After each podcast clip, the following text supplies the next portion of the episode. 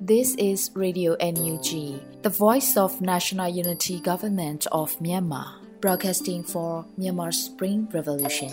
Radio NUG is transmitting from shortwave 16 meter 17.79 MHz at 8:30 a.m. and 25 meter 11.94 MHz at 8:30 p.m. Myanmar Standard Time. မင်္ဂလာပါရှင် အမျိုးသားညီညွတ်ရေးအစိုးရရဲ့အတန်လွှင့်ဌာနရေဒီယို NUG ကိုမနက်ပိုင်း၈နာရီခွဲမှာလိုင်းတူ16မီတာ19.89 MHz ညပိုင်း၈နာရီခွဲမှာလိုင်းတူ25မီတာ17.6 MHz တို့မှာဓာတ်ရိုက်ဖမ်းယူနိုင်စေနိုင်ပါရှင်မင်္ဂလာအပေါင်းနဲ့ပြည့်စုံကြပါစေအခုချိန်ကစပြီး Radio NUG အစီအစဉ်လေးကိုဓာတ်ရိုက်အတန်လွှင့်ပေးနေပါပြီရှင်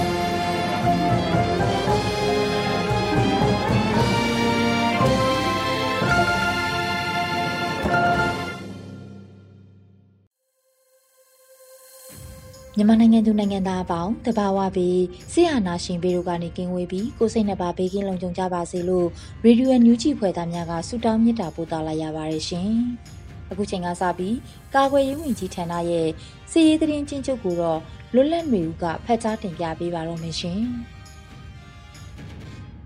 အမျိုးသားညွရေးဆိုရကာကွယ်ရေးဝန်ကြီးဌာနမှထုတ်ပြန်တဲ့နေ့စဉ်စစ်ရေးသတင်းကျဉ်းချုပ်တွေကိုတင်ပြပါတော့မယ်။တိုက်ပွဲများမှာ အကြမ်းဖက်ရန်သူတပ်သား73ဦးသေဆုံးပြီး9ဦးထိခိုက်ဒဏ်ရာရရှိခဲ့ကြောင်းသိရပါတယ်။အာနာသိန်းအကြမ်းဖက်စစ်တပ်နဲ့တိုက်ပွဲဖြစ်ပွားမှုတည်င်းများမှာပဲခူးတိုင်းမှာဇူလိုင်လ29ရက်နေ့နေ့လယ်တနာရီခန့်တွင်ဖြူးမြို့နယ်ရှိရန်သူတပ်စခန်းချထားသောအုတ်ဖြတ်တရားဂိတ်ကို KNL ရိုးမစစ်ကြောင်းနှင့်စနိုက်ပါပူးပေါင်းတပ်ဖွဲ့မှပစ်ခတ်တိုက်ခိုက်ခဲ့ရာရန်သူတပ်ဖွဲ့ဝင်တအုပ်သေဆုံးသွားပါတယ်။ထို့နောက်ရန်သူတပ်ဖွဲ့ဝင်များက40မမအပါဝင်လက်နက်ကြီး၅လုံး လက်နက်ငယ်များနဲ့အပြန်လန်ပြန်လည်ပစ်ခတ်ခဲ့ပြီးပူးပေါင်းတပ်ဖွဲ့ဘက်မှလက်နက်ငယ်များနဲ့ပြန်လည်ပစ်ခတ်ခဲ့ကြပါတယ်။ဇူလိုင်လ29ရက်နေ့နေ့လယ်2:30မိနစ်ခန့်မှာဖြူးမြို့နယ်မိတ်တီလာစုကြီးရွာဖုန်ကြီးကျောင်းထဲတွင်တပ်ဆွဲထားတဲ့ရန်သူတပ်ဖွဲ့ဝင်များကိုရိုးမစစ်ကြောင်းနှင့်စစ်ကြောင်းမှုဦးစီးတဲ့အဖွဲ့မှဒရုန်းဖြင့်နှစ်ကြိမ်ပုံကျဲတိုက်ခိုက်ခဲ့ပြီးရန်သူတပ်ဖွဲ့ဝင်များထိခိုက်သိမ်းဆုံးမှုကိုစုံစမ်းနေဆဲဖြစ်ပါတယ်။ဇူလိုင်လ26ရက်နေ့မနက်9:00နာရီခန့်မှာတော့ကြောက်တကားမြို့နယ်နန်ဆကျေးရွာမှာရောက်နေသော အင်အား30ဦးကျော်ရှိသည့်ရန်သူတပ်ဖွဲ့ဝင်များကို KNL ပူးပေါင်းတပ်ဖွဲ့များကဝင်ရောက်တိုက်ခိုက်ခဲ့ရာနှစ်နိုင်ခွဲကြာခန့်တိုက်ပွဲဖြစ်ပွားခဲ့ပြီးရန်သူတပ်ဖွဲ့ဝင်9ဦးသေဆုံးကတနက်9လက်ကြီးပေါက်နဲ့ကြီးစာများတင်စီရမိခဲ့ပါတယ်။ဇူလိုင်လ25ရက်နေ့ည9:00နာရီခန့်မှာကြောက်တကားမြို့မှာနန်ဆရွာဘက်သို့ရန်သူတပ်ဖွဲ့ဝင်အင်အား40ဦးကျော်ပါကားကြီးတစ်စီးဘေးတွဲနှစ်စီးနဲ့ထွက်လာတဲ့ရန်သူတပ်ဖွဲ့ဝင်များကိုနန်ဆရွာထိပ်မှာကြောက်တကားမြို့နယ်ပြည်သူ့ကာကွယ်ရေးအဖွဲ့မှရှစ်ထွက်မိုင်းဆွဲပြီး အနီးကပ်ပစ်ခတ်တိုက်ခိုက်ရမှာရန်သူဘက်မှဗိုလ်ကြီးတူအပါဝင်9ဦးထပ်မံတေဆုံးပြီးအခြားတန်ရာရသည့်ရန်သူတပ်ဖွဲ့ဝင်9ဦးကိုကြောက်တကားဆေးရုံမှတောင်ငူဆေးရုံသို့အတွင်းလူနာအဖြစ်လွှဲပြောင်းပို့ဆောင်ထားခဲ့ပါတယ်။ BA94 တနက်တက်လက်သိမ်းဆီးရရှိခဲ့ပြီးဇူလိုင်လ26ရက်နေ့နနက်ပိုင်းမှာတော့ရေတွင်းကုန်းကျေးရွာတွင်းသို့စစ်ကောင်စီတပ်ရဲ့လူနာတင်ရင်များရောက်ရှိနေကြောင်းသိရပါတယ်။ဆက်လက်ပြီးအာနာသိန်းအကြမ်းဖက်စစ်တပ်ကကျူးလွန်ခဲ့တဲ့ရာဇဝတ်မှုတွေကိုတင်ပြပါဦးမယ်။ မကွေးတိုင်းမှာဇူလိုင်လ26ရက်နေ့ည2နာရီခန့်မှာမြိုင်မြို့နယ်တွင်းမရွာပြူစောတိရွာစခန်းမှာ60မမလက်နက်ကြီးဖြင့်အကြမ်းဖက်ပစ်ခတ်နေခြင်းကြောင့်အိုးရင်ရွာတွင်းသို့လက်နက်ကြီးကြီးကျရောက်ပောက်ကွဲခဲ့ပြီးအိုးရင်ရွာဒေသခံ14နှစ်အရွယ်မျိုးသမီးငယ်တဦးမစိုးရိမ်ရဒဏ်ရာနဲ့အသက်30နှစ်အရွယ်အမျိုးသမီးတဦးစိုးရိမ်ရဒဏ်ရာစုစုပေါင်းအရက်သားပြည်သူ2ဦးအပြင်းထန်ဒဏ်ရာရရှိခဲ့ကြပါတယ်။ဇူလိုင်လ25ရက်နေ့ညပိုင်းအချိန်မှာ နတ်မောက်မြို့နယ်အနောက်ချမ်းညောင်ပင်လှရွာမှပညာရေးစီရီယံကျောင်းဆရာတူကိုရန်သူတပ်ဖွဲ့ဝင်များကလာရောက်ဖမ်းဆီးသွားတယ်လို့သိရပါတယ်။ယခုတင်ပြခဲ့တဲ့သတင်းတွေကိုမြေပြင်သတင်းတာဝန်ခံတွေနဲ့ခိုင်လုံသောမိဖက်သတင်းရင်းမြစ်များမှအခြေခံတင်ပြခဲ့တာဖြစ်ပါတယ်ခင်ဗျာ။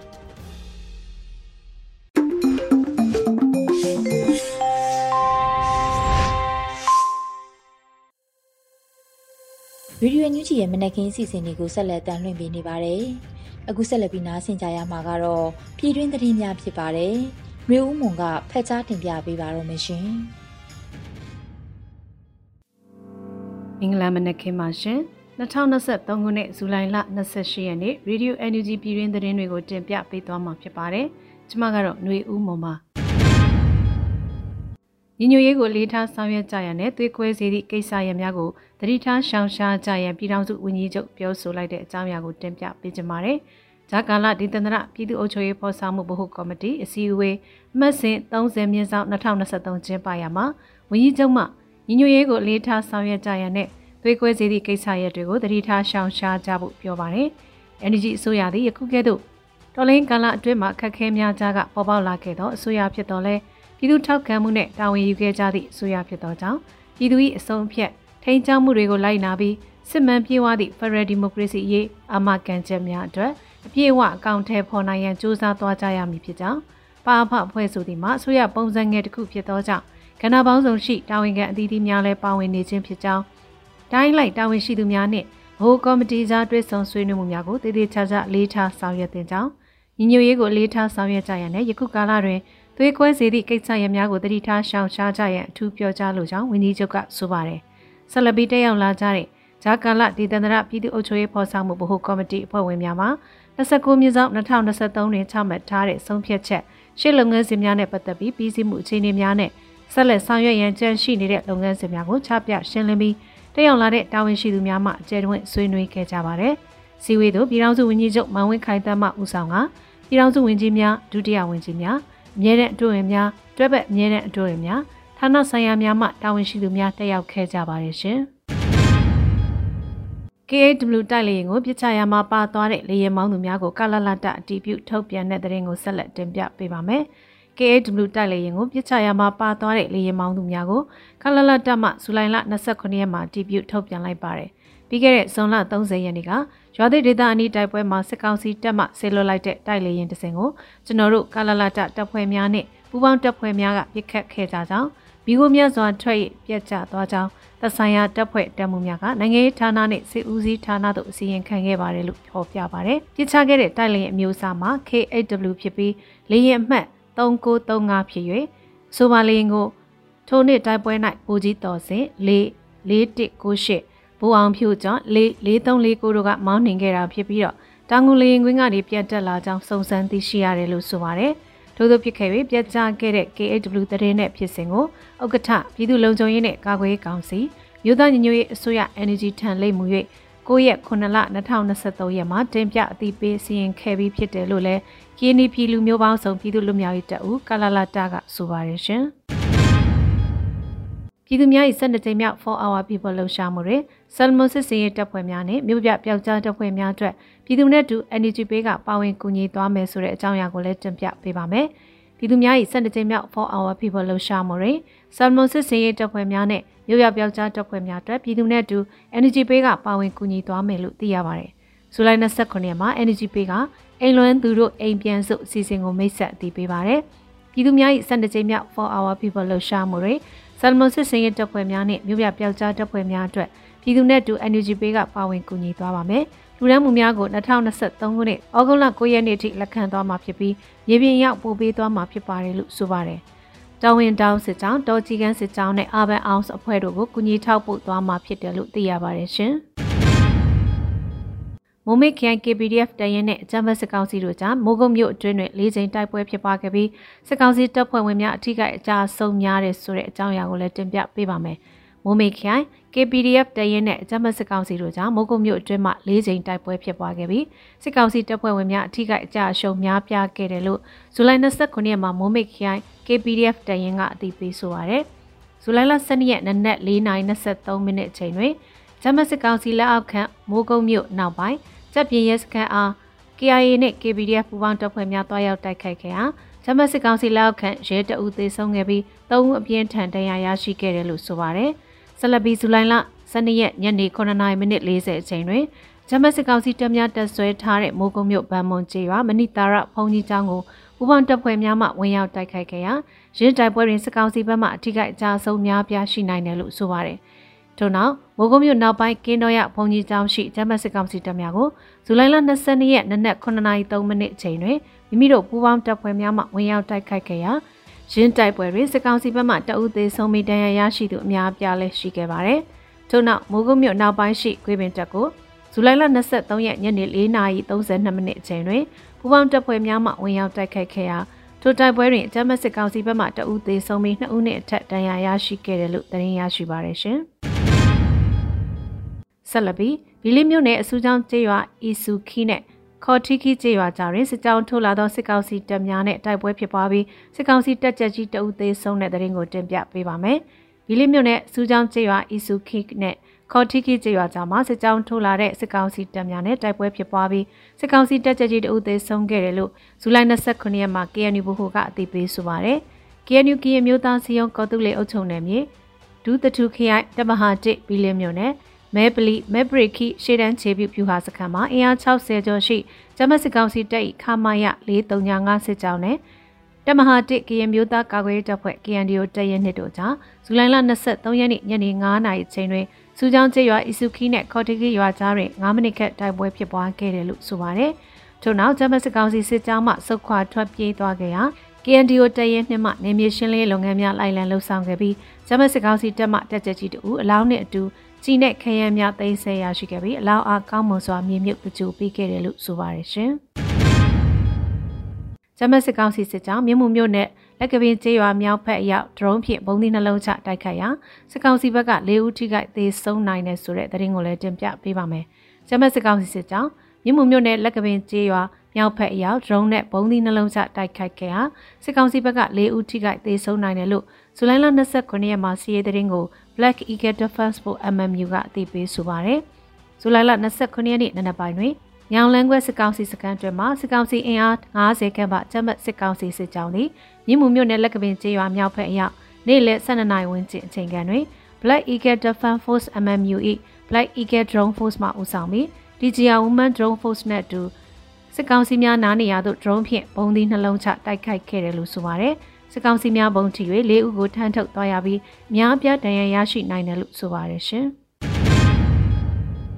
မကွေးတိုင်းကံကောခိုင်စောမြို့နယ်ကိုစစ်ကြောင်းထုတ်လာတဲ့စစ်ကောင်စီတပ်များကိုဇူလိုင်လတွင်ပြည်သူ့ကာကွယ်ရေးပူးပေါင်းဖွဲ့မှတိုက်ခိုက်ခဲ့ရာစစ်ကောင်စီ၁၈ဦးသေဆုံးတဲ့တဲ့ရင်ကိုလည်းတင်ပြပေးကြပါမယ်။မကွေးတိုင်းကံကောခိုင်စောမြို့နယ်ကိုစစ်ကြောင်းထုတ်လာတဲ့စစ်ကောင်စီတပ်များကို ဇူလိုင်လတွင်ပြည်သူ့ကာကွယ်ရေးပူးပေါင်းဖွဲ့မှတိုက်ခိုက်ခဲ့ရာစစ်ကောင်စီ၁၈ဦးသေဆုံးခဲ့တယ်လို့ဇူလိုင်29ရက်မှာစီးရဲတဲ့ရင်ကိုအမှတ်၁စစ်ဒေသမင်းမှုခရိုင်တရဲနှစ်ကအသိပေးဆိုပါရယ်2023ခုဇူလိုင်လ14ရက်နေ့တွင်မကွေးတိုင်းကံကောခိုင်စောမြို့နယ်ဒေသခေါ်မြင့်ကတော့ချိန်ချောင်းလန်ခွဲငကမောက်ချန်တောင်ပေါ်များသို့စစ်ကြောင်းထိုးလာတော့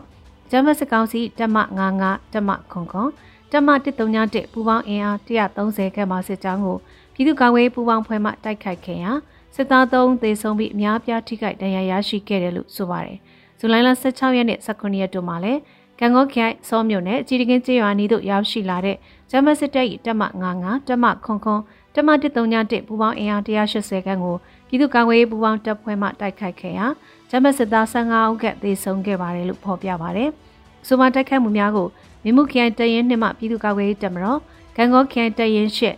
တရင်73တရင်3တရင်5 ခောက်ကူခိုင်တရင်5တရင်19မကွေးခိုင်အမှတ်1မြမှုခိုင်တရင်1တရင်5တို့နဲ့အတူပူးပေါင်းတိုက်ခိုက်ခဲ့ခြင်းဖြစ်ပါတယ်ရှင်။နိုင်ငံတော်ဝန်ကျမစီအုပ်စု၏လက်နက်ကြီးကြီးကြောင့်159ဦးသေဆုံးခဲ့ပြီးစကိုင်းတိုင်းမှာ92ဦးဖြင့်သေဆုံးမှုအများဆုံးရှိနေတဲ့ကြောင်းရာကိုလည်းတင်ပြပေးပါမယ်။ဇူလိုင်29ရက်မှာနိုင်ငံရေးကျင်းသားများကူညီဆောင်ရှောက်ရေးအသင်းမှကောက်ယူထားရှိတဲ့သတင်းချက်လက်များအရနိုင်ငံတော်ဝန်ကျမစီအုပ်စုရဲ့လက်နက်ကြီးကြီးကြောင့်159ဦးသေဆုံးခဲ့ပြီးစ ကိုင်းတိုင်းမှာ92ဦးဖြင့်သေဆုံးမှုအများဆုံးတွင်ရှိနေတယ်လို့သိရပါတယ်။2023ခုနှစ်ဇန်နဝါရီလမှဇူလိုင်လ29ရက်နေ့ထိခုနှစ်လတာကာလအတွင်းနိုင်ငံတော်ဝန်ဂျမ်ဘတ်စေအုပ်စုလက်နက်ကြီးကြီးကြောင့်159ဦးသေဆုံးခဲ့ပြီးစကိုင်းတိုင်းမှာ52ဦးဖြင့်သေဆုံးမှုအများဆုံးတွင်ရှိနေတယ်လို့ဆိုပါတယ်။ဇူလိုင်လ22ရက်ည9နာရီခွဲအချိန်တွင်စကိုင်းတိုင်းတမုခရိုင် ခမ်ဘတ်မြို့ရှိဂျမ်ဘတ်စေအုပ်စုရဲ့ရဲစခန်းနဲ့တပ်စခန်းများတိုက်ခိုက်ခံရပြီးနောက်စေအုပ်စုကလက်နက်ကြီးများဖြင့်ပစ်ခတ်ခဲ့ရာခမ်ဘတ်မြို့အမှတ်1ရက်ကွက်သို့ကြားရောက်ပောက်ကွဲခဲ့တာကြောင့်ပေါင်ရှင်းဆန်မှလက်နက်ကြီးကြီးစထိမှန်ပြီးသေဆုံးခဲ့ရပါတယ်ရှင်။မုံရွာကလေးဝကာလန်မှာကနီနယ်ပြည်သူ44ဦးကြာဆုံးခဲ့သောဖြစ်ရများမမေ့နဲ့ဗန္နာကိုချိတ်ဆွဲဆန္ဒပြတဲ့တဲ့ရင်ကိုတင်ပြပေးပါမယ်။ဇူလိုင်29ရက်မုံရွာကလေးဝကာလန်မှာ2021ဇူလိုင်လ ကနီနယ်မှဆီယာစုမှုများကိုမမေ့ရန်ဆန္ဒပြခဲ့တာလို့ကနီဒေသခံတဲ့ရင်းမြစ်ထံကသိရပါတယ်။2021ခုဇူလိုင်လကကျမ်းပတ်စစ်ကောင်စီဟာကနေကနီညောင်ကန်အခုထနယ်လန့်ရှစ်ခိုးတက်တွင်ပြည်သူလေးဦးကိုတပ်ဖြတ်ခဲ့ပြီးဇူလိုင်လ9ရက်ကနီမြို့နယ်ရင်းရွာ၌ရက်သားပြည်သူ16ဦးအစုလိုက်ပြုံလိုက်တပ်ဖြတ်ခဲ့တယ်လို့သိရပါဗျ။ဇူလိုင်လ26ရက်ကဏီမြို့နယ်တောင်မောက်ရှေ့ရွာကြက်ချောင်းတော်တိုင်း၌ပြည်သူ12ဦးဇူလိုင်လ29ရက် ကဏီမြို့နယ်ဇီးပင်တွင်ရွာ၌ပြည်သူ12ဦးကိုထပ်မံတပ်ဖြတ်ခံခဲ့ရပါတယ်ရှင်။ခုတင်ပြခဲ့တဲ့သတင်းတွေကို Radio NUG သတင်းတောက်မင်းတီဟန်ကပေးပို့ထားတာဖြစ်ပါတယ်ရှင်။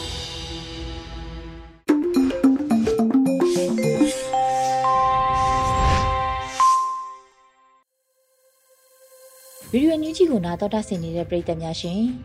အခုတခါတော်လှန်အစည်းဆောင်မအနေနဲ့ကဘာတိုင်ဆုံးမောင်စင်မုံရဲ့မိစ္ဆာဒိဋ္ဌိဖြစ်မှစစ်သားလို့အမည်ရတဲ့တော်လှန်ရေးအစည်းဆောင်မကိုတော့လွတ်လပ်နေဦးမှဖက်ကြားတင်ပြပေးထားပါတယ်ရှင်မင်္ဂလာတရားအမြတ်ကို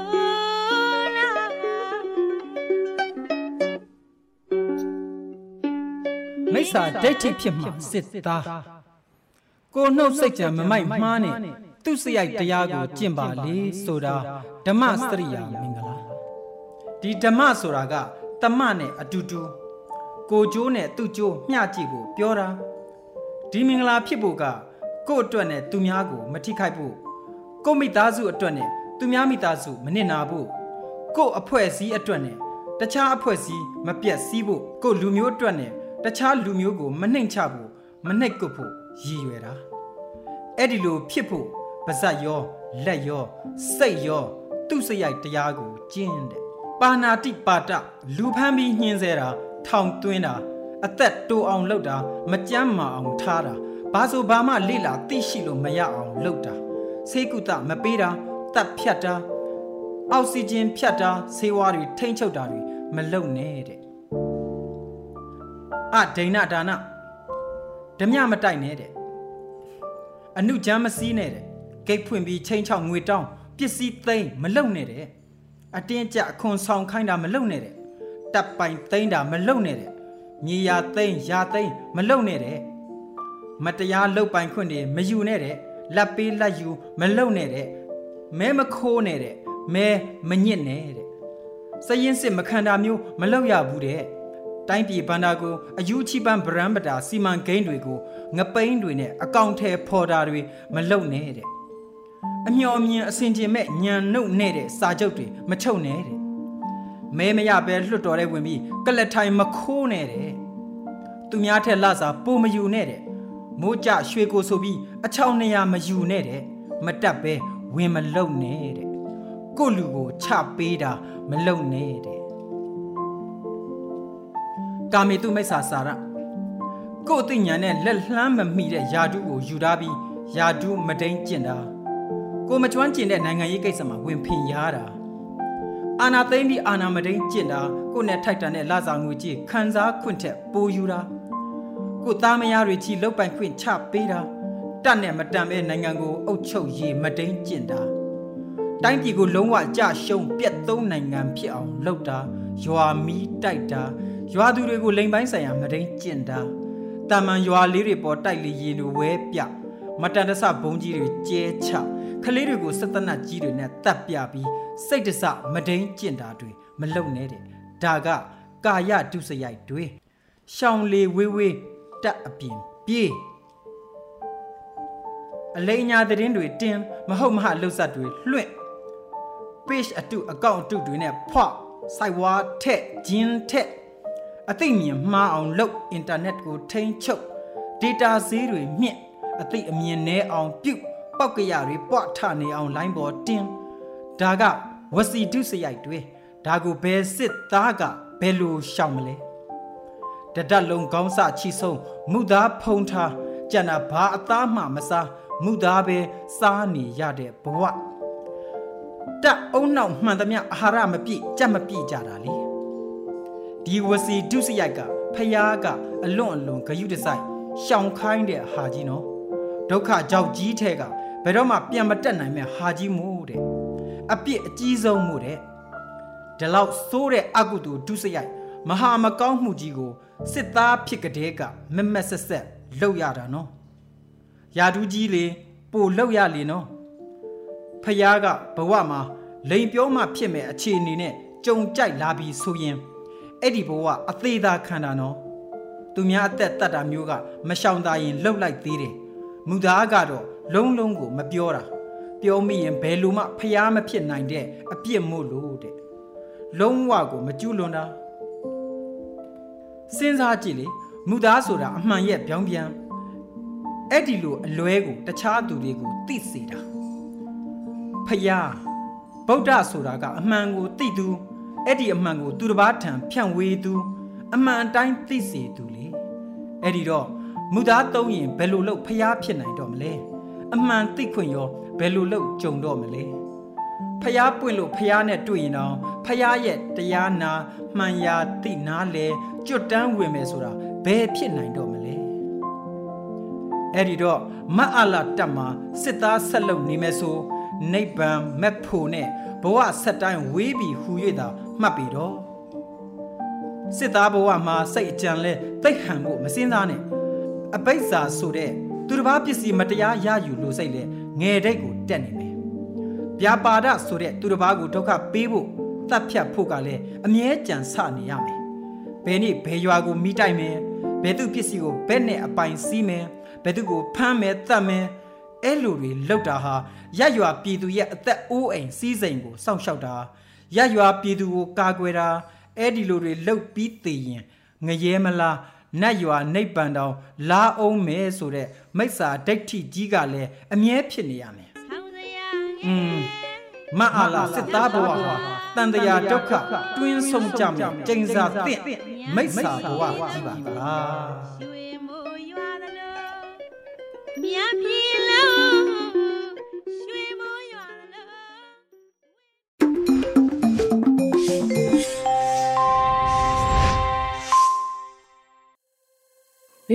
ရေဒီယိုညူချီရဲ့မနက်ခင်းစီစဉ်တွေကိုဆက်လက်တင်ပြနေပါတယ်။အခုဆက်လက်ပြီး PPTV ရဲ့နေ့စဉ်သတင်းများကိုတော့ Rain မှဖတ်ကြားတင်ပြပေးပါမယ်ရှင်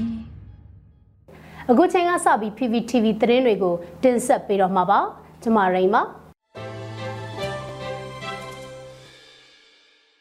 ပထမဆုံးတင်ဆက်မှာက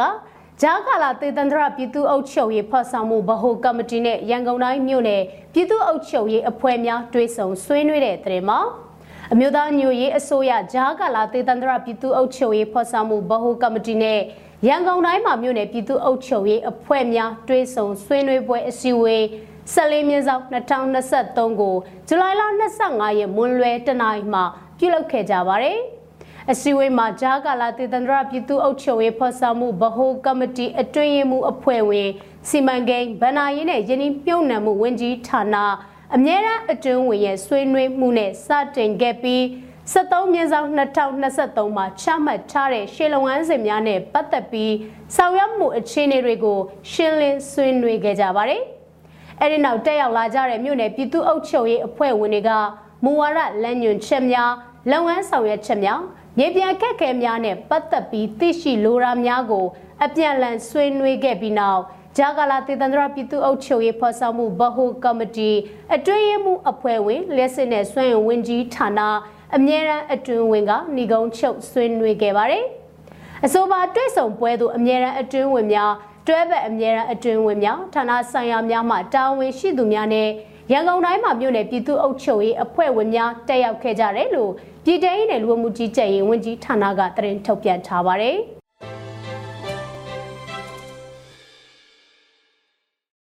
ဆက်လက်တင်ဆက်မှာကကြောက်ကြီးမြို့နဲ့နတ်တန်ကွန်းမြို့ကြားစစ်ရေးတင်းမာမှုအခြေအနေကြောင့်သွာလာခွင့်ပိတ်ပင်ကန့်သက်ထားတယ်လို့ KNDO ညွှန်ကြားချက်ထုတ်ပြန်လိုက်တဲ့သတင်းမှာပဲခူးတိုင်းညောင်လေးပင်ခရိုင်ကြောက်ကြီးမြို့နယ်နဲ့နတ်တန်ကွန်းမြို့နယ်ဂျာကာလမ်းမပေါ်သို့ဖြတ်တန်းသွာလာမှုမပြုလုပ်ကြရန် KNDO ကရင်အမျိုးသားကာကွယ်ရေးအဖွဲ့ကညွှန်ကြားချက်တစောင်ကိုဒီနေ့ရက်စွဲနဲ့ထုတ်ပြန်လိုက်ပါတယ်။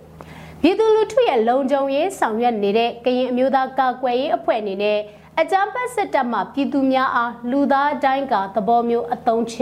အကာအကွယ်ယူပြီးစစ်စင်ရေးလှုပ်ရှားမှုများပြုလုပ်နေခြင်းကြောင့်အဆိုပါလမ်းပိုင်းကိုလုံခြုံရေးအရာသွာလာခွင့်ကိုကန့်သက်ပိတ်ပင်ခဲ့ခြင်းဖြစ်တယ်လို့ KNDO အမှတ်3တပ်ရင်းရဲ့တပ်ရင်းမှူးစောလာရွှေဟဲလက်မှတ်နဲ့ထုတ်ပြန်ကြေညာလိုက်တာပါ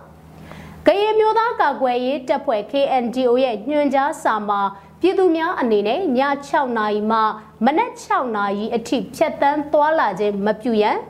အရေးပေါ်သွားလာရန်လိုအပ်ပါကတာဝန်ရှိကောင်းဆောင်များအားအသိပေးအကြောင်းကြားသွားလာကြရန်ဖော်ပြထားပါတယ်။ပြည်သူများအနေနဲ့ညွှန်ကြားစာပါအချက်များအားပြန်လည်မရုပ်သိမ်းမချင်းလိုက်နာကြရန်နဲ့လိုက်နာရန်ပြက်ကွက်ခဲ့ပါက နောက်ဆက်တွဲပြဿနာများအားတာဝန်ယူဖြေရှင်းပေးမှာမဟုတ်ဘူးလို့လည်းဖော်ပြထားတာတွေ့ရပါတယ်။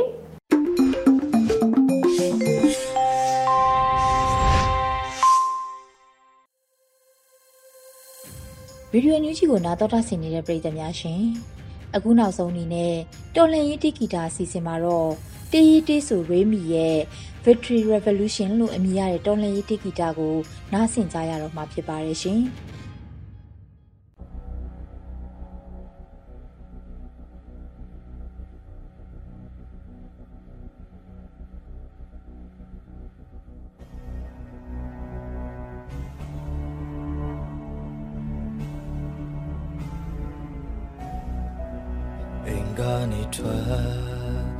စိတ်တွေရဲ့မာနေပြီသားတို့ရေသမီးတို့ရေကယူဆိုင်ပါအတွက်လန်ထွက်နေလေမြမပြေမှာခွေးမျိုးတွေမျိုးတုံအောင်တိုက်ခိုက်နေတယ်ငါတို့လေအသက်နဲ့ခဏနဲ့နောက်ကျိုးလေးရှိရတော့ပေးစနေကြိုးရဲ့ဒီ သူတွေစိတ်ဓာတ်တွေတင်မဲ့တွေအေးရင်ခွမ်းမလုံးငါတို့ကြွငါတို့ပဲရှိရဲ့အစိုးရတိုင်းပဲဒါတိုင်းပဲဒါတိုင်း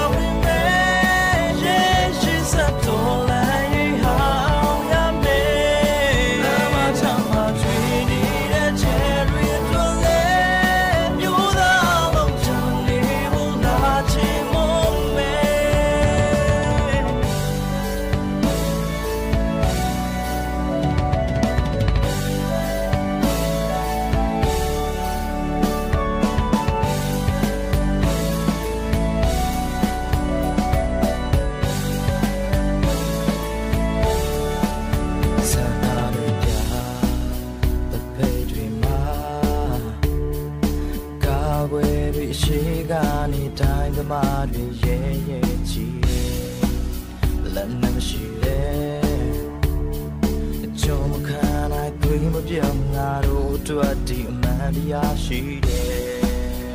အချိန်မီတော့ပြေတော့အာနာယူတရားမဲကတိုင်းဖြစ်နေတာမေးတော့တာအမေရပါ